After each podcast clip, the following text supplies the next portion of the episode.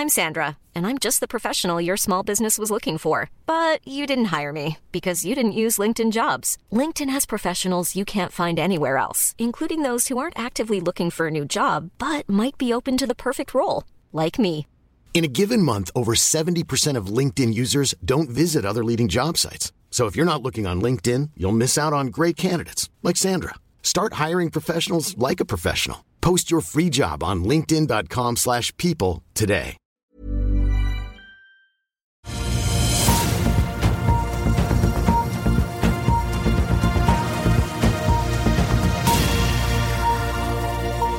En riktig god fredagsmorgen alle sammen, og velkommen til Børsmorgen her hos oss i Finansavisen idet vi nærmer oss slutten av årets første og en litt kort uke på starten av 2024. Mitt navn er Marius Lorentzen sammen med aksjekommentator Karl Johan Månes her på denne 5. januar, der noen av de viktigste sakene er at det ble satt ny rekord på Oslo Børs i går, men det skjer neppe i dag. Det svenske programvareselskapet Byggfakta, som driver inn mot byggenæringen, har fått et oppkjøpstilbud fra Private Equity-næringen. Norwegian er ute med trafikktall, og Atlantic Sapphire er ute med det vi vel kan kalle en minioppdatering, og det som kan virke som en advarsel til markedet. Og så skal vi snakke olje i dag. OKEA-sjef Svein Jakob Liknes er med oss for å fortelle om hva som gikk galt under Statfjord-dealen med Equinor, og hva de nå gjør for å komme seg tilbake på bena igjen i starten av et nytt og det som trolig blir et interessant år også for oljenæringen. Jeg nevnte jo hovedindeksen. Den er forventet da ned i dag etter oppturen i går. DNB Markets ligger inne med et estimat på minus 0,4. Nordnett minus 0,2 etter oppgangen på 1,2 i går til en ny all time high på 13,23,13. Det gikk bra for shipping og går bl.a. Golden Ocean endte opp over 4% Frontline opp over 2 På Wall Street så vi at indeksene fortsatte nedover, i hvert fall hvis vi ser på teknologisektoren. Der Jones klarte riktignok å holde hodet så vidt over vann med en oppgang på pluss 0,03. SMP 500 endte ned litt over 0,3, Nasdaq ned 0,6 og er dermed ned nå fem dager på rad. og Nesten 4% av indeksens verdi er borte så langt i år. Vi så en del finansaksjer gjøre det bra i går. JP Morgan satte ny all time high. Den amerikanske tiåringen tikket videre oppover og ligger nå faktisk så vidt over 4 igjen etter at vi så den både ved starten av 2023 og starten av 2024 ligger rundt 3,9. En annen som satt all time high i går, var forsikringsselskapet Allstate, mens da teknologiselskapet Mobile Eye faller etter kutt i guiding. Walgreens, Boots, apotekkjeden falt etter kutt i utbytte. Og så tenkte jeg også å ta med de som jo følger med på de store farmaselskapene som Novo Nordisk og Eli Lilly med disse vektreduserende medisinene. Eli Lilly annonserte i går at de lanserer da direkte til konsumerløsninger, som vi skal snakke om litt senere. I Asia i dag så er det stort sett rødt med unntak av Nikkei, eller litt retningsløs, som Jørgen Berntsen i Nordnett kaller det. Nordsjøoljen har faktisk sett 78 dollar fatet i dag, men vi ligger nå på 77,80, som er opp da 0,2% omtrent da fra sluttkursen i går.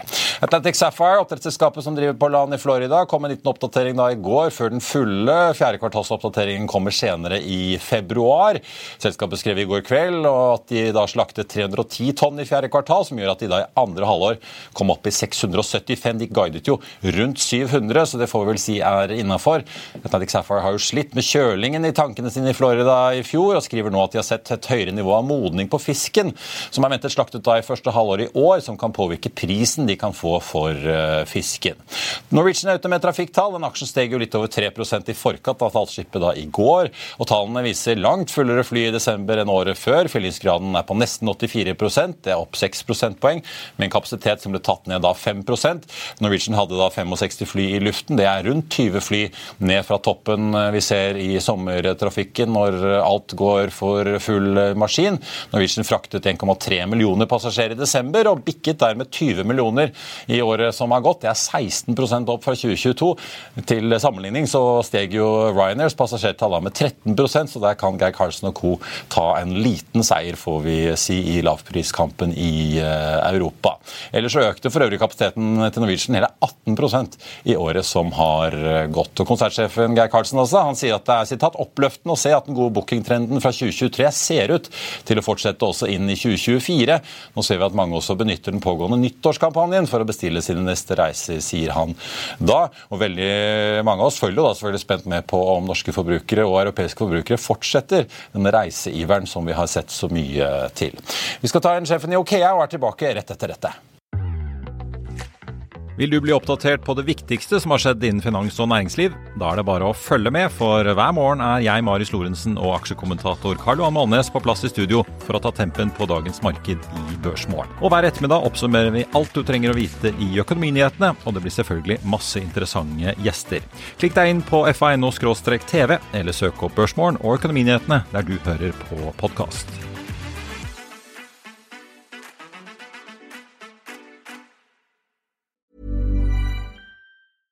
Hiring for your small business? If you're not looking for professionals on LinkedIn, you're looking in the wrong place. That's like looking for your car keys in a fish tank. LinkedIn helps you hire professionals you can't find anywhere else, even those who aren't actively searching for a new job but might be open to the perfect role. In a given month, over 70% of LinkedIn users don't even visit other leading job sites. So start looking in the right place. With LinkedIn, you can hire professionals like a professional. Post your free job on linkedin.com slash people today. I'll see you in court. Vi sier det ofte litt på spøk, men for deg som driver business, er det aldri moro å innse at du ikke har laget en 100% gyldig kontrakt.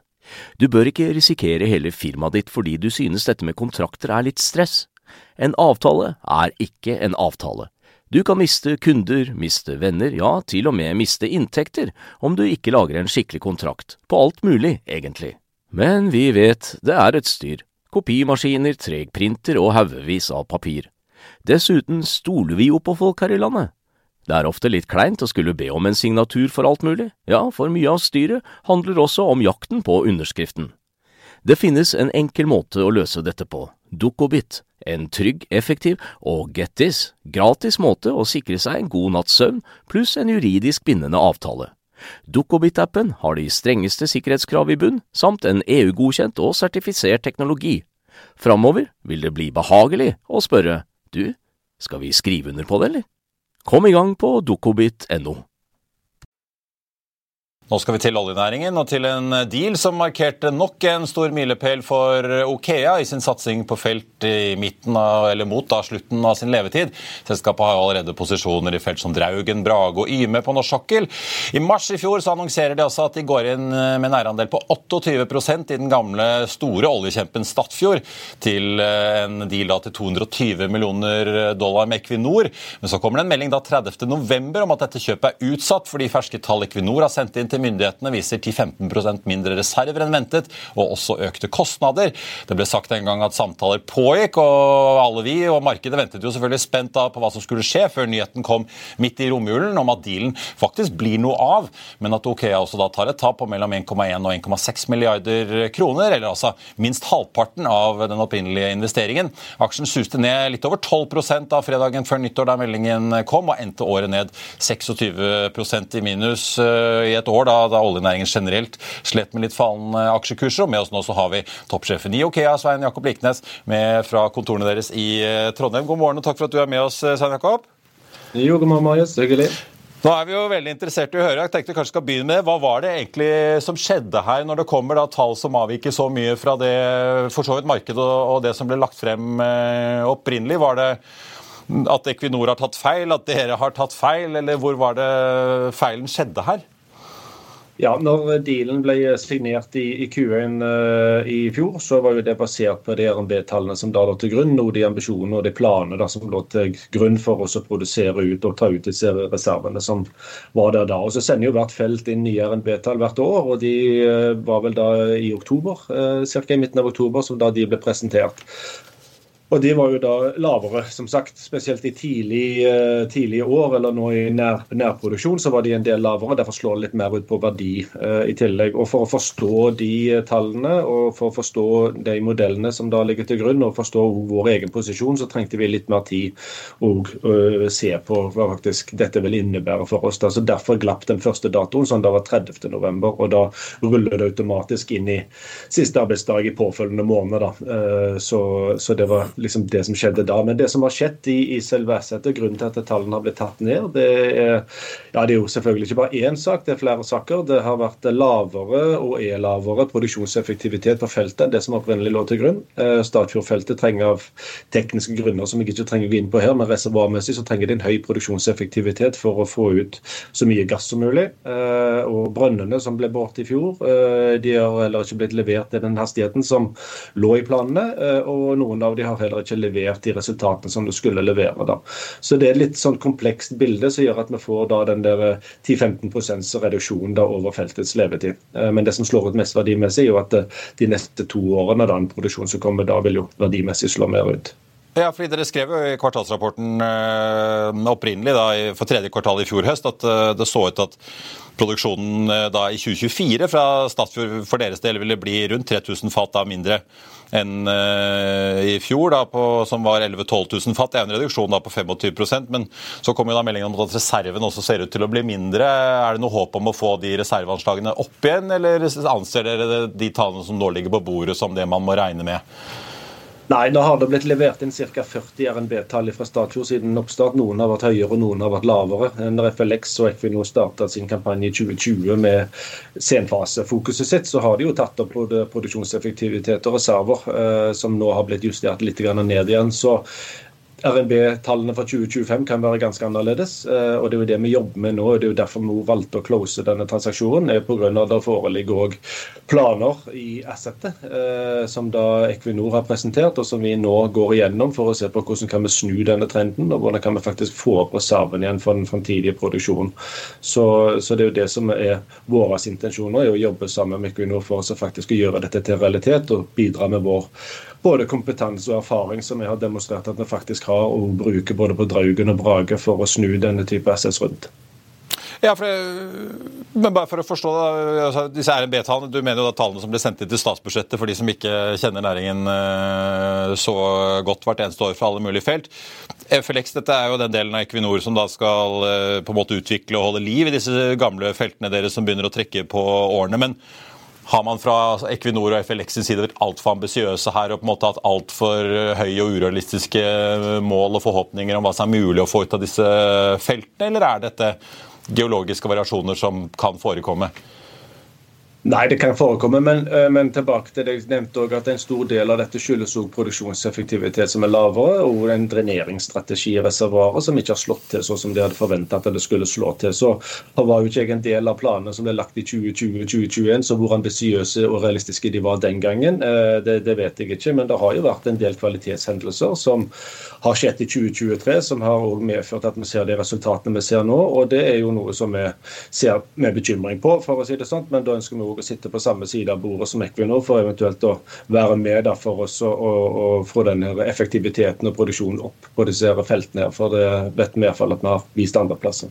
Ja, for Dere har jo åpenbart troen på at det er bedre å seile videre her enn å takke for seg og forlate bordet. Jeg ser at Dere får jo utsatt én utbetaling altså på 60 av disse 220 millioner eh, dollarene. men har dere fått noe annet fra Equinor som følge av det som har eh, skjedd her, eller kommer dere til å få noen fremtidige dealer, at dere får litt goodwill på en eller annen måte fra den store oljekjempen Mona Sokkel? Mhm, ja, Det skal ikke jeg forskuttere, eh, for å si det sånn, hva vi får. Men det vi har fått, og i, den dialogen vi har hatt med Equinor òg, har jo vært som sagt denne utsatte betalingen. og Det skyldes ikke at det er mangelfull likviditet i OKEA for å betale dette. Eh, men det var noe som ble foreslått over bordet, så det sier vi selvfølgelig ja til. Så det jobber vi jo med nå, med hvordan vi skal stenge og det, og hvordan vi skal behandle de 60 millionene utover det. Men, eh, men eh, det som vi har fokusert på, har jo vært hva er vår posisjon. Enten så stenger du eller closer du dealen, eller så closer du ikke dealen. Og det er jo klart at det er både oppsider og nedsider med, med begge alternativ. Og vi vurderte, og styret vårt òg vurderte jo reelt selvfølgelig begge alternativ pga vår jobb og styrets jobb er jo å beskytte og skape aksjonærverdier. Eh, så Derfor er jo dette veldig viktig for oss å, å se på. Eh, og Da lander vi da som sagt på at en closing i det lange løp uh, vil nok være det beste for Okea. Og Så har vi DRNB-tallene og, og, den produksjonen som vi har nå. Da lander vi vel på en ca. 11 000 tror jeg, på Statfjord, som vil være Okea sin andel. Som da er litt lavere enn det vi sa tidligere i år, eller i fjor. Men nå setter vi oss heller ned for å se på hvordan kan vi snu denne trenden. For de reservene som er i bakken må jo opp, men de må jo opp på en mer effektiv måte enn det vi har sett demonstrert i 2023. Men øh, Hvordan skal dere på en måte få investorer til å fortsatt ha troen på at dere skal klare å, å fortsette? Vi antar dere fortsatt vil gjøre dealer for å vokse videre her. Dere har jo som jeg er inne på, dere har jo kjøpt opp Brage, i sin tid kjøpte dere opp Draugen fra Shell. Uh, hva er det dere nå har tenkt å gjøre for at folk skal ha troen på da, at dere kan fortsette å gå inn i disse store feltene, som jo tross alt Det er jo komplisert å få ut verdier. Det er jo ikke enkelt uh, dette her. Dere mener jo dere skal klare å skape verdi av det. Men har dere en jobb her for å gjenreise tilliten litt? Ja, det vil jeg si at vi har hver eneste dag. Eh, jeg så noen analytikere kommenterte at nå blir det kvartal for kvartal eh, en eh, oppoverbakke. Men å holde på med mid to late life assets er en oppoverbakke hver eneste dag. Men det, det, er jo det vi holder på med, og det er det vi mener at vi kan òg. Så strategien vår mid to late life på norsk kontinentalsokkel den står fast. Der har vi demonstrert kapasitet og en evne til å gjøre det som operatør. Eh, nå er jo vi ikke operatør på Statfjord, eh, men vi har jo en 28% andel. og sitter ganske integrert med, med, Equinor FLX nå, som òg er veldig tydelig på at de ønsker vår kompetanse innenfor der. Så vi er ganske sterke i troa på at dette er mulig å gjøre. og Nå blir det jo veldig mye stat fjor fokus nå, men som du nevnte, vi, det var vel noen kommentarer tilbake i 2018 når at OK overtok Draugen òg, som da hadde 2027 som levetid. og Nå har vi 2040 og fikk godkjent elektrifisering òg eh, like før jul her nå, som vil muliggjøre det. Og I tillegg så overtok vi jo eh, Brage, som òg har levert 28% over det som var egentlig anslaget i 2023, så der går det jo så det griner, for å si det sånn. Og så kommer da denne transaksjonen. Så det vi må demonstrere nå, er at eh, vi faktisk klarer å gjøre det vi sier vi skal gjøre. Eh, og, og, og nå får nå transaksjonen stå for seg selv, men så får vi heller legge stein på stein videre og så demonstrere at vårt bidrag på Statfjord vil faktisk realisere de verdiene som vi sitter og prater om her nå. Men det, altså, Hvis dere da gjør en ny deal eh, som dette her til, betyr det at dere må sette av mye mer ressurser og folk til å gjennomgå da estimatene fra selger eller operatør i dette tilfellet, for å faktisk ettergå at eh, det som blir lagt frem av reserver og produksjon er realistisk for dere å også oppnå? Ja, og det er jo klart at er enhver, eh, enhver transaksjon og ethvert datarom som du går inn og ser i. Du kan jo riske ethvert prosjekt eh, nedenom og hjem, og, og, dette er jo eh, brownfield-prosjekter eller transaksjoner. Men det samme gjør du jo med greenfield-prosjekter, der du risker det, og så kommer du opp med break-even-pris, og så velger du ja eller nei til å gå for det, og så, og så gjennomfører du prosjektet. Det samme må vi jo gjøre nå. Så jeg mener ikke at det var noe feil verken i den due diligence-prosessen som uh, vi, eh, vi, gikk igjennom tidligere i år, men så har det da ikke realisert seg da de eh, produksjonseffektiviteten og det som nettopp har gått igjennom også, i 2023. Eh, så jeg tror ikke det verken har hatt noe med teamstørrelse å gjøre. Jeg tror heller ikke det er grunn til å betvile at det der, liksom, noen har blitt ført bak lyset som sådan, men det går mer på gjennomføringsevne, mener jeg, for å oppsummere det. På, på å gjennomføre de ambisjonene og de planene som faktisk ligger til grunn der. Det er, det er jo fem analytikere som har kommet med anbefalinger etter nyheten kom. Fire av de har jo fortsatt kjøpt, og én har tatt ned til hold. Da, hold-anbefaling. Og Kursmålene svinger jo da fra 29 til 50, og i snitt så er kursmålet 42, og kursen er 27. Da. Men når jeg ser på dette her, så um, Du trenger ikke å kommentere 2023-tallene, for det skal jo legge fram. Men estimatene peker jo på konsensusestimatene at inntektene skal stige fra 9 milliarder til nærmere 12 milliarder i 2024. og Det, det er sannsynligvis for høyt i 2024, da, men likevel det er jo en sterk stigning. Hvor, hvor, mye mm, vil du guide, hvor mye feil ligger i det estimatet for 2024 med de nyhetene som har kommet? Ja, det, det, får vi komme tilbake til. Som sagt så skal vi kommunisere Q4 og oppsummere 2023 uh, eh, i uh, i, det er vel 8. februar, hvis jeg ikke husker helt feil. Så da får vi komme tilbake til det. og Det er vel også da vi vil komme tilbake til det vi mener er en realistisk guiding både på inntektssiden, men også på, på produksjonssiden for 2024. Så det må jeg nesten bare ta et forbehold om. Men vil inntekten i 2024 være over 2023? Eh, må, det, nå sitter vi jo med Equinor og vi sitter jo og ser på, på, på, på Statfjordfeltet. Eh, på hva det vil bringe. Vi har jo lagt inn en del til grunn der. Eh, og, og det er klart at Inntektene våre vil jo også svinge basert på, olje- og gassprisene som er der ute. Men produksjonsmessig så har vi jo lagt på og ligger jo veldig tett på 40 000 fat i døgnet akkurat nå i daglig produksjon. Så, så volumene har jo kommet, men kommet tilbake til selve inntektsforecastingen vår. Det får vi heller se på etterpå. Uh, Svein Jakob, uh, dere sier jo selv at nå blir det jo sannsynligvis eller i hvert fall, det blir ikke noe utbytte inntil videre. Dere har jo betalt ut en god del utbytte det siste året, og drøye 416 eller 400 millioner.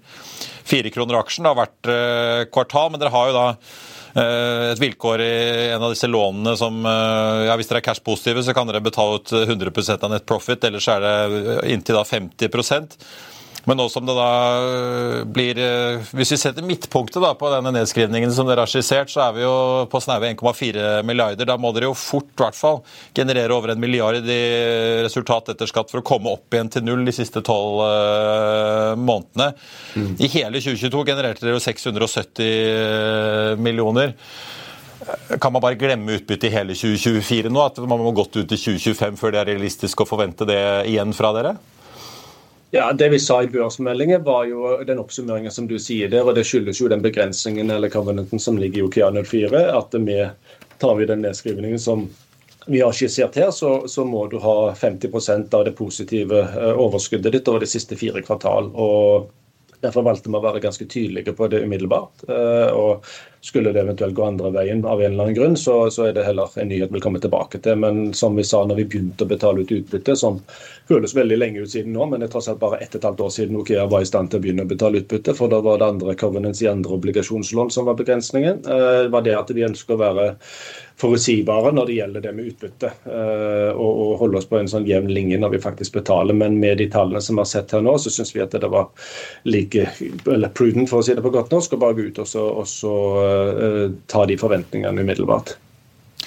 Var det aktuelt for dere noen gang bare si nei takk og forlate denne dealen og heller uh, bruke pengene på noe annet? Jeg ser jo at Det skjer jo ting, ikke bare på norsk sokkel, men globalt mye i oljenæringen nå. Her hjemme så har vi jo hatt Kufpek som har solgt ut til Pignig, og vi har sett uh, Winters Adea, som jo er en stor aktør på norsk sokkel, nå bli solgt til britiske Harbour uh, plutselig. Ja, nei, jo, det, det var en reell alternativ selvfølgelig ikke close uh, transaksjon, og som du sier, da sitter med pengene. Men uh, det er jo klart, da eksponerer du jo selskapet for andre risikoer som du må avsette for. Hvis dette da motpart da vil gå til sak eller voldgift f.eks., så, så må du jo da avsette disse midlene i et par år fremover. og Du kan ikke bruke de til noen ting heller, uh, for så vidt. For at du kanskje får en stor regning om et par år hvis dette du ikke har nok grunnlag til å faktisk vinne den voldgiftssaken. Så, så, da hadde vi sittet mer eller mindre som en dead duck in the water, vil jeg tro. Men med penger på konto så kan vi diskutere diskutere hvor komfortabelt det hadde vært, men i alle fall for å realisere vår strategi og vår renommé, da, for å si det sånn, at vi er en ansvarlig operatør. Vi er òg en veldig ansvarlig transaksjonspartner eh, på norsk kontinentalsokkel. og Så tar vi heller og gjør denne dealen her, og så setter vi oss ned på samme, samme side av bordet som operatøren. og så forbedrer vi kvaliteten faktisk på dette her. For mid to late level assets mener jo vi er ekstremt verdiskapende fremdeles på norsk kontinentalsokkel, men uh, vi må jo passe på at vi skrur av lyset så sent som mulig, og det er jo det som er OKR sin jobb. da, og Det skal vi hjelpe Equinor med på, på Stadfjord òg. Det er nok noen europeiske forbrukere som uh, er fornøyd med det, ja. men hvordan er evnen? Jeg antar dere bruker mye tid og fokus nå på å få Statfjord eh, best mulig opp og gå sammen med Equinor. Hvordan er evnen og mulighetene og viljen til å gjøre flere dealer i år, da? Jo, vi har fremdeles en vekststrategi. Eh, og som vi alltid sier, at eh, gode prosjekter er det alltid mulig å finne finansiering til. Nå har vi jo ett obligasjonslån i OKEA i dag. Vi hadde jo to for bare et par år siden. Eh, som da ble tilbakebetalt når vi hadde de konjunkturene som vi så da. og Nå sitter vi med ett. og Hvis der er gode transaksjoner og det er gode assets eh, som, eh, som vi ønsker å ha i vår portefølje, så er jeg ganske sikker på at det finner vi løsninger på.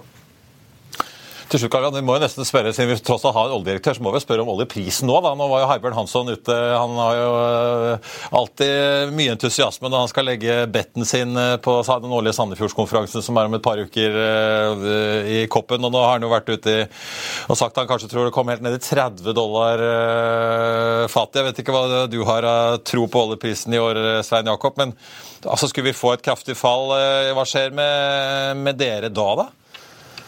Nei, vi må jo orientere oss etter de prisene vi har der ute. Eh, og vi har jo tidligere òg hatt en, en, viss hedging policy i selskapet. Eh, både når det har gått oppover og når det har gått nedover. Så det må vi jo ta en posisjon til hele veien, men at det er en ting som i alle fall jeg har lært meg over tid, at uansett hvor høyt opp, om du er oljedirektør eller hva som helst, så skal du være ekstremt forsiktig med å, uh, å tippe olje- og gassprisen fremover. For der tror jeg du har større sjanse for å ta feil enn å ta rett. Men hvis at du ønsker å, i alle fall, å få din, uh, ditt uh, veddemål frem i avisa, så tror jeg at han hadde en god strategi. Det er som uh, sjefen i Exxon pleier å si, vi har ikke så mye prisingsmakt, vi oljetopper. Så, uh, han har vel et uh, poeng der. Stein Jakob Lignes, i Okea, tusen takk for at du var med oss. God helg når den tid kommer. Hovedveksten på Oslo Børs starter som ventet ned rundt 0,2 i dag, med Okea ned 1,3% Norwegian svakt ned etter en ganske solid opptur da i går, med nye trafikktall ute. Atlantic Sapphire stiger litt over 5% har steget enda mer litt tidligere i dag, da etter en slags minioppdatering på kvartalet. Karl jeg vet ikke om du eh, hadde satt penger i Okea hvis du fikk lov til å trede aksjer, men uh, vi må jo snakke litt om hva som rørte seg på Wall Street i går. da, fordi vi, Nå har vi fått to ganske lyst til Nå kommer det jobbtall senere i dag, eh, de ordentlige non-farm-tallene, men da det P-tallene som kom var jo langt bedre enn ventet. Drøye 160 000 mot ventet 120-30. Også de trygdetallene Jobless Claims var bedre enn ventet. Så vi så plutselig kanskje troen på snarlige rentekutt uh, roe seg litt ned? Offentlig sektor. Ja. kjører på. Det er et enormt budsjettunderskudd. 5-6% av BNP. Det ser ut til bare fortsette å stige. Så det er jo Finanspolitikken overstyrer jo fullstendig pengepolitikken. Det skaper jo store problemer for investorene der ute, fordi det er helt vanlige investeringsstrategier som har vært populære i 40 år, så stadig større med sånn risik ja, risikoparitet, da, som, eh, som eh, Ray Dalio i Bridgewater da, har eh, gjort til en vitenskap. Der, at du liksom, Så lenge du visste at disse her gikk motsatt vei, da, så kunne du være mye mer sikker da, på når du For du, du girer typisk i obligasjonsinvesteringer. Klart når, når, du kan gå på IG-plattformen og gire 100 ganger, så kan de også gjøre det. Og det er jo det de gjør med disse obligasjonsinvesteringene. Men det krever jo guts, da. Men så lenge du vet, når du vet at aksjekursene faller sterkt, så lenge du da vet at obligasjonene går motsatt vei, at du tjener på de, så kan du være mye tryggere på G. det. Så når tiårsrenten falt fra 4 til 1 så, så tjente jo de enormt med penger. Så når alle andre tapte penger, så kom de ut og fortalte at de hadde tjent nesten 10 i Du skrev om det i avisen i dag. Indeksfondet ditt tåler alle fall, men det gjør ikke, gjør ikke du. Spekter på 2022, eh, som vi har diskutert med sjefen i Folketrygdfondet og andre. Det var jo liksom annus horribilis med både fall i obligasjonskurser og aksjekurser på en og samme tid. Men Problemet er uh, Nå er vi tilbake til liksom årsskiftet 1999-2000. Jeg husker i første kvartal 2000 da, så gikk hver tredje eh, fund management-krone gikk til Janus. Da. For de hadde noe som kalt Janus 20-fond. og De hadde også, så de hadde jo liksom eide 5 av noe. De eide alle liksom som Magnificent Seven. da. Men problemet er når du, når du konsentrerer sånne bets, da, og, du, og, det er enda mer konsentrert når det er enda mer penger. Typisk så faller sånn indeks sånn 50 da. Eh, og det, Da er det 100 opp igjen igjen. Og, eh, og, hvis du er et universitetsfond da, som liksom har eksistert i 350 år, da, og du skal eksistere i 350 år til, så spiller jo ikke den volatiliteten noe som helst rolle. Men hvis du skal til å gå med pensjon, så, så tåler ikke du disse her enorme volatilitetene som er i uh, indeksfondene. Fordi det er for mye risiko, det er for mye dritt i disse Ja, for du skriver jo det er jo masse ja. aksjer der man aldri hadde turt å kjøpe én ja. etter én hvis du så, sitter liksom og, og, inne på en Nordnett-plattform eller et eller annet. Og derfor er det genialt å kjøpe disse på bunnen. Men på indeksfondene så blir du mer Det er på bunnen. Ja. fordi selv uh, eh, GMO, vi hadde han James Montier, han uh, kom jo til Oslo en gang han skulle holde foredrag for oljefondet. da, og Det er bare ett møte. Han lurte på om vi kunne ta et annet møte. Da arrangerte vi et styrerom og fikk en del folk til å komme. Da, og da, da spurte jeg han, i, i 2008, da når, når, liksom, når, når det første fallet kom i 2008, så gikk jo Jeremy Grantham ut og sa det at uh, vi vet det at uh, nå må vi justere risikoen i porteføljen, så nå tar vi aksjeandelen ned fra 60 til 40% Og så vet vi at dette her går over i løpet av de neste ni månedene, så vi har bare tatt to datoer uti her, hvor vi skal gå fra uh, eh, 40 til 50, og så til, fra 50 til 60 da, på og, og vekte oss opp igjen. igjen. Så traff jeg Monty, det var i 2010 eller 2011. Hvordan gikk dette? her? spurte jeg da. Nei, De hadde, de hadde feiga ut. da. De hadde feiget, de hadde ikke turt da, å ta alle disse lavkvalitetsaksjene. så hadde, det hadde ikke, Du har ikke fått noen effekt. da. Så Når du først har en sånn strategi, så, og du skal tre, Indeksfondet er helt perfekt å kjøpe når alt er ræva, for da får du alle de drittaksjene aller eldre Og motsatt. Og, og, det ser du også med valuefond. Når valuefond når de kjøper billige aksjer, da, så er jo de samme aksjene er jo med opp. da. Mm. Og Det glemmer jo når du sitter med det mest ekstreme valget, de bytter jo ikke aksjer, disse folkene, med skattemessige konsekvenser. Så blir du med ned igjen. Så, du, så det, det, value-strategier kan også ha mye mer volatilitet enn du tror, og indeksfond eh, det, det, er altfor mye volatilitet. da. Så det, dette her er jo en utfordring. at det er aktive managers. Nå har man en mulighet da, til liksom å flytte folks penger ut av disse her. Så det er jo helt opp opplagt at det er feil prising på Nvidia. Alt som er priset til over P, price sales 10, det er helt Det, si. det er vel nå, det er vel nå Sisners uh, ja. tid har kommet for å skinne. fordi ja. Han selger seg jo inn ja. som at uh, de kjøper jo alle disse sikringene som skal gjøre at nedturene blir litt dempet, og du får litt støtputer og, og, og de store du får mindre svingninger. så det, det, er jo nå de får vist, hvis vi nå får litt uh, kursfall fremover, at og, og det er klart det dirty secret er jo det at over performancen kommer jo i fallende marked. ikke sant? Når det året, liksom, Vi hadde jo i Norden var jo 2001, og det svenske markedet var jo ned med 41% hvis, hvis du er opp det året, det samme som Røydalio, så opp med 10 eh, når alt annet er ned. Når du har klart det, da er du liksom, da er du konge. Du, så, så, så, selv om at det er du får respekt for å liksom kjøre fra alle andre med 300 km i timen når du skal egentlig holde 200, så er, det, så er det mye mer respekt for den som kommer seg gjennom helskinnet når alle andre har krasja. Eh, for det handler jo om å overleve til slutt og, og ta vare på pengene dine. For det er nok av folk som har vært størst når det smeller. Oslo er fullt av det. Og lande, lande på begge ja. bena. Da. Skal vi snakke litt om disse vektmedisinene? Jeg syns det var ganske interessant at Eli Lilly, Novo Nordisk uh, sin konkurrent, uh, lanserer nå Direct to Consumer, rene streamingtjenesten, hvor du både kan få uh, migrenemedisin og diabetesmedisin og disse nye Zepbound, som er konkurrenten til Wagovi, vel. Eh, for da vektreduksjon. Eh, rett inn på liksom Eli, Lilly Direct, eller hva de kaller det, .com, og så lenge du har en resept. Og hvis ikke du har resept, så er det søren meg en liste med leger der som du kan kontakte og få ut resept og få dette levert rett hjem. Halv pris.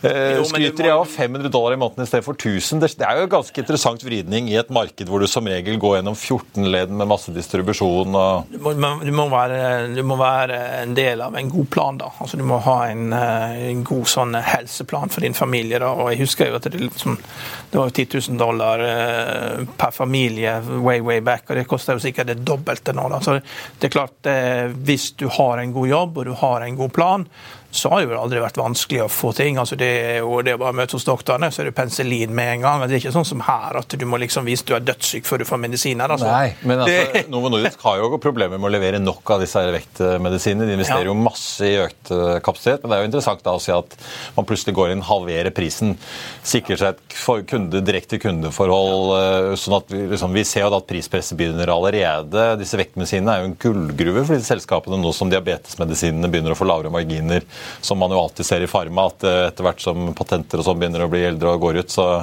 så kommer marginpresset. Ja. Jo da, men det, så konkurransen igjen, har noe til allerede her, da. Igjen da, men det er, eh, det er fortsatt dyrt. Jeg tror det var 1000 dollar måneden eller noe sånt for den Vegovi, og så er det litt Så nå kan du få 500 her for Eli Lilly? Ja. ja. Nei, det er klart det er pris. Det er jo penger. Ja. Det er det jo. Ja. Nei, det... Men du kan jo ikke, du kan ikke slutte. Det er jo det ja. som er hele hemmeligheten. Ja. Det er jo ganske, Business case er jo fascinerende. Mye sure folk. ja. Ellers eh, tenkte Mobile Lilio Nei, Mobile Eye, unnskyld. Jeg har jo skrevet om dette. Det er jo en fantastisk... Det er de som leverer sånne kameraer i biler som passer på at ikke du market, kjører over streken. og Market capen er 24 milliard dollar. Ja. De har en fri kontantstrøm på en halv milliard dollar i året. Når jeg skrev rapporten, så det var litt på liksom bruken av chips. da, og Det var i 117 millioner biler på 800 bilmodeller. De har 1,4 milliarder dollar inntekter. Det bare stiger og stiger, og ser ut til å passere liksom 2,4 milliarder nå. Da. Så det alarmer, det er både alarmbusinessen hjemme og, og alarmbusinessen på biler 12 dollar per år per bil er kostnaden for dette. og Det er tydelig at det, det er liksom det er folk villige til å betale. Det var litt det samme som si det, sånn, det, det, var jo sånn når airbagene kom, da, så var jo kundene villige til å betale 100 dollar ekstra per airbag, mens det egentlig koster bare 10-20 dollar å lage dette. Så sikkerhetsutstyr i biler, det er, det er en suksess. Altså, og det er, jo, det er, jo, lett å lage. Lav produksjonskost og lett med repeat business. Det er, mange ting det er mye vanskeligere å tjene penger på i bil enn dette her. Ja, ja, holdt jeg på å si, jo, du, ikke, du, kan ikke få terningkast seks eh, verken hos Euro NCAP eller i VG hvis ikke du krysser av alle boksene for alle mulige Men det er jo irriterende hvis du har, hvis du har en leiebil og så ut og kjører på snøen, og så vet du ikke hvordan du skal skru av disse alarmsystemene, og så er det snø og sånn. Så det er jo eh, ja. Piper og uler. Men Piper poenget er i hvert fall de venter jo nå lavere inntekter i år enn i fjor, da, når de ja. kutter uh, guidingen sin. Det er vel ja. et farevarsel for jo, det, bilsalget globalt, i hvert fall bilproduksjonen. da. Det må jo være et altså De kan jo ikke bare vokse sånn som de har gjort, sånn som det nå, da, når liksom, inntektene går fra 1,4 til 2,4 milliarder. Så liksom, likevel så vil jo inntektene vokse fra 1 milliard til 2 milliard dollar fra 2020 til 2024. Da. Så, så, det er flere og flere sånne Advanced Driver Assistance System, ADAS. ADAS, vet. Ja. Det er bransjespråket. Ja. Vi får se. Kanskje, kanskje, vi ser et nytt priskutt fra Tesla eh, som et sånt også et tegn på at eh, det ikke bare bare er den globale bilbransjen. Jeg så jo Sverige og Danmark så jo økt bilsalget i fjor, mens det norske falt. Ja. Så ser jeg at det er hovedkontor i Jerusalem, Illinois. Så det må jo være det fredeligste Jerusalem på jordkloden. Det vil jeg tippe det er. Hva, hva, sier magefølelsen på Nonfarm i dag, da? Jeg ser Estimatene ligger inne på 170 000 ned fra nesten 200 i november.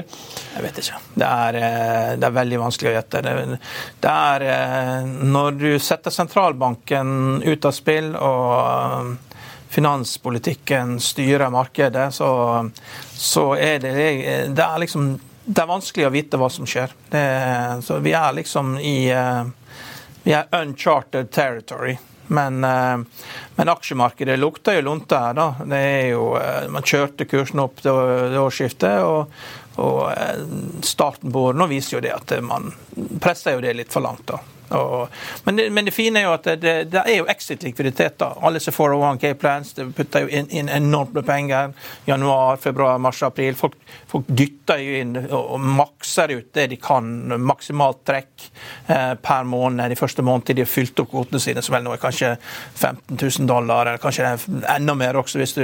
Så det, dette er stor business, altså. Pensjoner i USA. Det er skikkelige greier. Altså, stor business her hjemme? Ja, ikke, egentlig, egentlig ikke. altså. Det er, det er knøttlite egentlig i forhold til hva det kunne vært. Men så er jo, så er jo lønningen mye lavere også. Det er jo mye mer risiko på. Så USA så må du ha din egen CFO. Der du kan liksom gange ting med to og tre. Og det, men du har jo ansvar for uh, helse og skole i en helt annen omfang. Altså du, du, har mye høyere omsetning, da, men du har mye større ansvar også for å passe på eh, å bruke pengene sjøl. Veldig bra, Karlan. Vi får følge med. Så Mark Zuckerberg har solgt litt aksjer i Meta for en halv milliard dollar. Ja, og, ja, har, jo har, har, jo vært, har jo vært folk ute og sagt det at før så Påskeferie, holdt jeg på å si. gamle dager så reagerte man når en eh, CEO solgte for 5 millioner dollar, og så var det 50 millioner dollar. Og nå må jo markedet reagere, for det har alltid vært et eh, sikkert tegn av en CEO selger tungt egne aksjer eh, uten at det er noe spesielt eh, nært oppe i den syklus, så er det et signal. Og eh, det vil man kunne peke på tilbake igjen da, i tid. Eh, så, og, eh, det er jo litt nervøsitet. Vi så Apple falle nesten 4 da på tirsdag. Nasdaq ja, ny, fem ny, dager på rad. Ny eh, salgsanbefaling i dag tidlig fra Piper Sandler var vel ute, som sa det at det er bekymring for, De har 10 av salget sitt i Kina, og det er bekymring for salg i Kina. Og, og, det har jo hatt seks kvartal på rad med, med, fallende salg. og PE er eh, nærmere 30 enn 25, så det er, eh, det er falsk trygghet da, i å kjøpe dette her som en slags obligasjon, da, for man er usikker. Men alt dette her, det, det, det snur seg når, når markedet snur. så så, og Det er det som gjør indeks sånn så farlig også, når du crowder inn i det du tror er trygge aksjer. Da. Som man trodde Nokia var på toppen av i år 2000. og Du kan jo se hva som har skjedd. Vi får se. Det skal i hvert fall godt gjøres. Apple var vel opp av 60 i fjor, så det er vel godt gjort å fortsette å levere på de nivåene der. Ja. Vi får se. Eh, god helg etter hvert, Karl-Ann. Eh, jeg får bare si på tampen at hovedindeksen eh, ligger ned nå nesten 0,4 til 1318. Så det ser ikke ut til at vi får noe ny all time high i dag. Okea ligger ned halvannen prosent. Norwegian har falt litt mer, ligger ned drøye prosenten da etter kvartalstallene. Selv om de da steg mye mer i går, får jeg jo ta med. Atlantic Sapphire har også roet seg litt ned, men ligger fortsatt opp nesten 5% Så jeg tenkte også bare nevne shippingindeksen på Oslo Børs, fordi det gikk jo veldig bra i går med mange shippingaksjer opp over 3 I dag ligger vi litt ned 0,7 da, med en oljepris som fortsatt snuser på og kanskje holde seg oppe på 78 dollar fatet som vi har sett tidligere i dag. 77,81 ligger vi på nå, med et stort eh, sett rødt eh, børskart rundt oss i eh, Europa. Så det ser ut til at vi slår følge med kontinentet, selv om da oljeprisen er opp i dag. Det var børsmålen for denne gudskjelov-dagen 5.1. Ikke gå glipp av Økonominyhetene 13.30 i dag. Vi får med oss sjefen i Rederiforbundet, som nå skal bli ny sjef i Norsk Industri også, Harald Solberg. Og vi skal selvfølgelig også snakke om shipping og situasjonen i Rødehavet. I tillegg så får jeg også promotere en spesialepisode som kommer ut til podkasten i helgen, med Yara-sjef Svein Tore Holsæter. Et uh, selskap som jo også har hatt en uh, krevende periode bak seg i 2023. Så får vi høre litt hva han har uh, troen på i 2024. Før den tid så får du som alltid siste nytt på FA.no. Mitt navn er Marius Lorentzen, og for alle oss her i Hegna Media, ha en riktig god helg alle sammen. Vi ses.